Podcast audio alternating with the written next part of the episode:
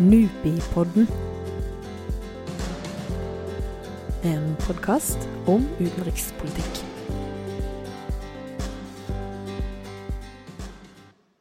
FN har blitt et uh, hett tema i spaltene her hjem, etter at det ble klart at Norge kjemper om en av de roterende plassene i FN sitt sikkerhetsråd fra 2021.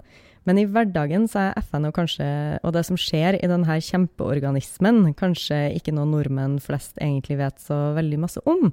Visste du f.eks. at FN nå i september går inn i det som kalles en høynivåuke?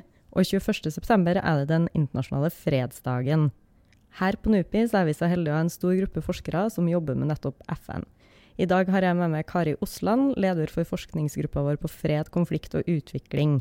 Og Kari, for å ta det siste først, kan du fortelle oss litt om hva en sånn høynivåuke egentlig er, og hva som skal foregå under den som begynner nå til uka?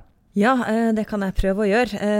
Altså På mange måter så er det en, en, slags årlig global diplomatisk dugnad, kan du kanskje kalle det. Uh, der møtes verdens 193 land sine statsledere. Uh, de møtes da i New York i FNs hovedkvarter, og Norge pleier å være representert da ved statsminister, utenriksminister og andre relevante ministre, f.eks. klima- og miljøminister. Og presidenten for generalforsamlinga har erklært at overskrifta for den første debatten på denne høynivåuka skal være intet mindre enn å gjøre FN relevant for alle folk, globalt lederskap og delt ansvar for fredelige, likeverdige og bærekraftige samfunn. Sånn umiddelbart så klinger det her som ganske hårete mål og store ord.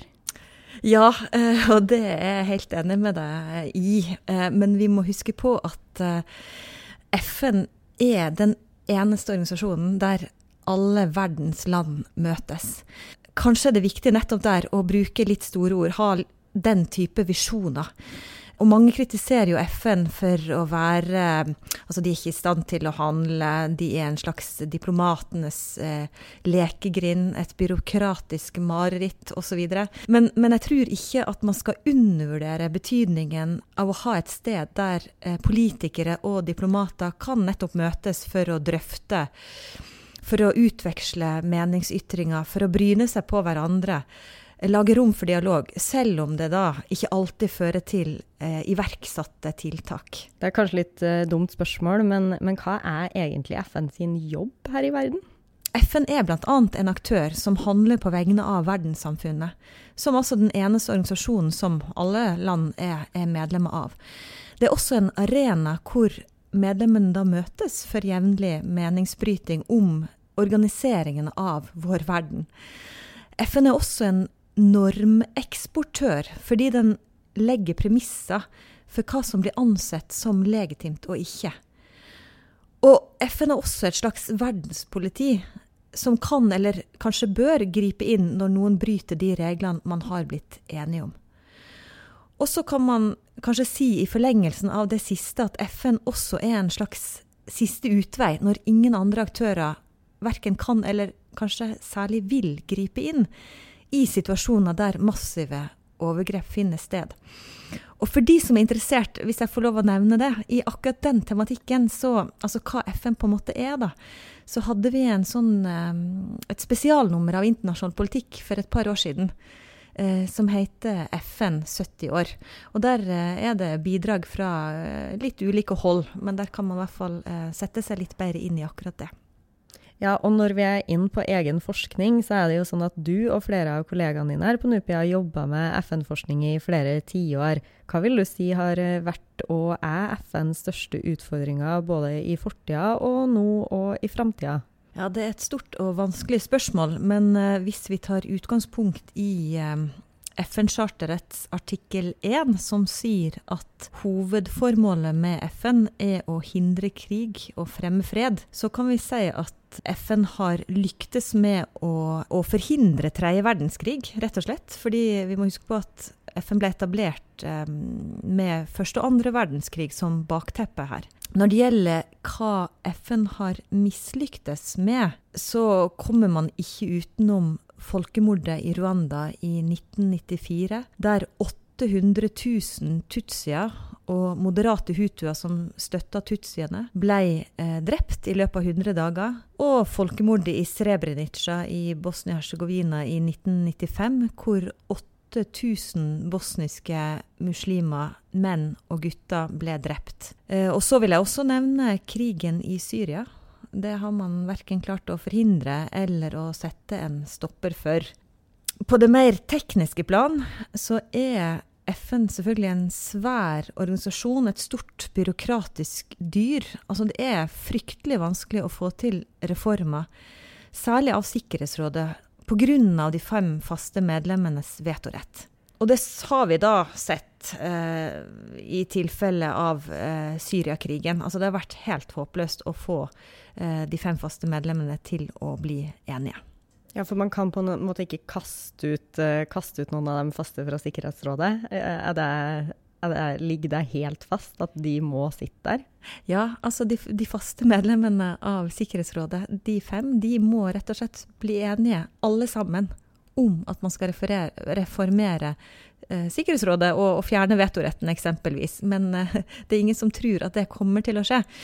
Men i den sammenheng så kan jeg jo nevne at mange mener at generalforsamlingen har fått en litt viktigere rolle, fordi, fordi man nettopp innser eh, at det ikke vil bli noen reformer når det gjelder Sikkerhetsrådet og dets organisering i overskuelig framtid.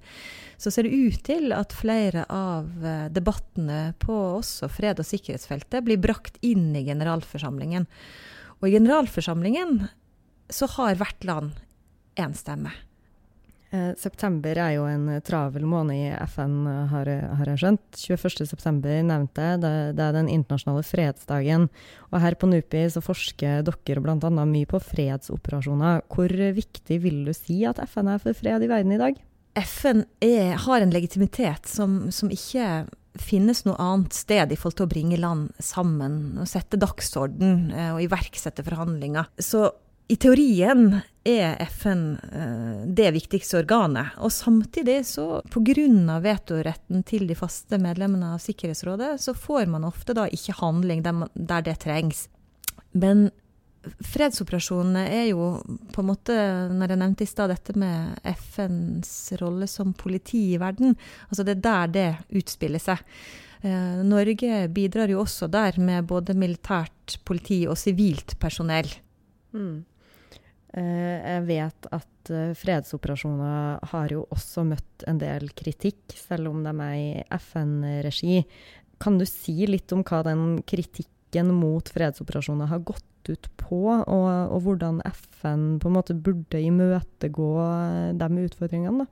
For å si noe litt sånn generelt om det, eh, så går hovedkritikken på at man rett og slett i liten grad oppnår å bedre forholdene for folk flest i det landet man griper inn. Altså utfordringen, eller En av hovedutfordringene er at når FN da til slutt intervenerer i et land, så skaper det enorme forventninger blant den lokale befolkningen om at nå kommer alt til å bli mye bedre. Realiteten er den at FN har et ganske begrensa mandat eh, når de går inn. Det vil si at det har vært endringer da i de siste årenes fredsoperasjoner, særlig når det gjelder Kongo, eh, Den sentralafrikanske republikk og Mali, der eh, FN har et mer offensivt mandat. Men uansett så fjerner ikke det det poenget at man skaper et enormt forventningsgap blant de lokale. Eh, og, og, som de, altså de innfrir rett og slett ikke de forventningene som skapes når de kommer inn. Eh, og så har den type operasjoner ofte en del uintenderte negative konsekvenser for lokalbefolkningen. Eh, for å bare komme et par eksempel, eh, så vil det være sånn at når en sånn eh, operasjon da etablerer seg i et land, så har på en måte organisasjonen FN behov for uh, hjelp, tolker, sjåfører osv. I disse landene er det stor grad av arbeidsledighet. Så de som har en utdannelse, de som snakker engelsk, som kanskje er da høyt utdanna leger, lærere osv., som er sårt tiltrengt i gjenoppbyggingen av landet, de foretrekker da å, å, jobbe for FN. De tjener bedre, rett og slett. Så enkelt er det. Men for å hente det her hjem igjen litt, da, til Norge. hva er det egentlig Norge sin rolle i FN er, og, og hvorfor er også FN viktig for Norge? Nei, altså um, Tidligere FN-ambassadør Morten Wetland han skrev i tidsskriftet IP at Norge er et av de landene i verden som har hatt mest nytte av FN. Og da særlig med tanke på havretten. Fordi havretten gir Norge rett på havområder som vi ellers muligens ikke hadde hatt råderett over. Men det er liten tvil om, tenker jeg, altså både på bakgrunn av, av, dette poenget, men også litt sånn generelt, at et lite land som Norge eh, nyter godt av det det multilaterale systemet kan tilby, og at det fungerer. Så egentlig at vi får vi, vi blir hørt selv om vi er små, på en måte? Er det det du tenker på? Ja, altså det at man har et eh, slags internasjonalt rettssystem som fungerer, nyter et lite land som Norge godt av. Fordi vi har ikke Vi har noen muskler kanskje på, på det humanitære området, på det finansielle området, men ikke ellers. Mm. Nå eh, er det jo sånn at eh, Norge er på ballen for å få en midlertidig plass i FNs sikkerhetsråd fra 2021. Og hvorfor skal vi egentlig være med der? Nei, Det er et godt spørsmål, fordi det er klart at det tar mye ressurser. Eh, altså både rent finansielt, men også selvfølgelig tid. Eh, for særlig de byråkratene i UD som jobber med dette, og politikere. Eh, men jeg tenker jo at det opplagte svaret på spørsmålet om Norge bør være med og kjempe om en plass i Sikkerhetsrådet, er ja. Fordi Norge bør eh, ha et sete ved det bordet der de viktigste beslutningene fattes. Og så er det noe med at Norge får en unik mulighet til å være med og påvirke den pågående reformagendaen. Og vise eh, hva Norge står for, og prøve å fremme eh, de ideene, verdiene ikke minst, som Norge eh, står for. Da får vi nesten ønske lykke til med kampen om en plass rundt bordet i Sikkerhetsrådet. Og Kari, tusen takk for at du var med oss i dag. Hvis du vil høre mer fra oss, så foreslår jeg at du følger Nupipodden på Soundcloud, eller abonnerer via en podkast-app. Vi høres!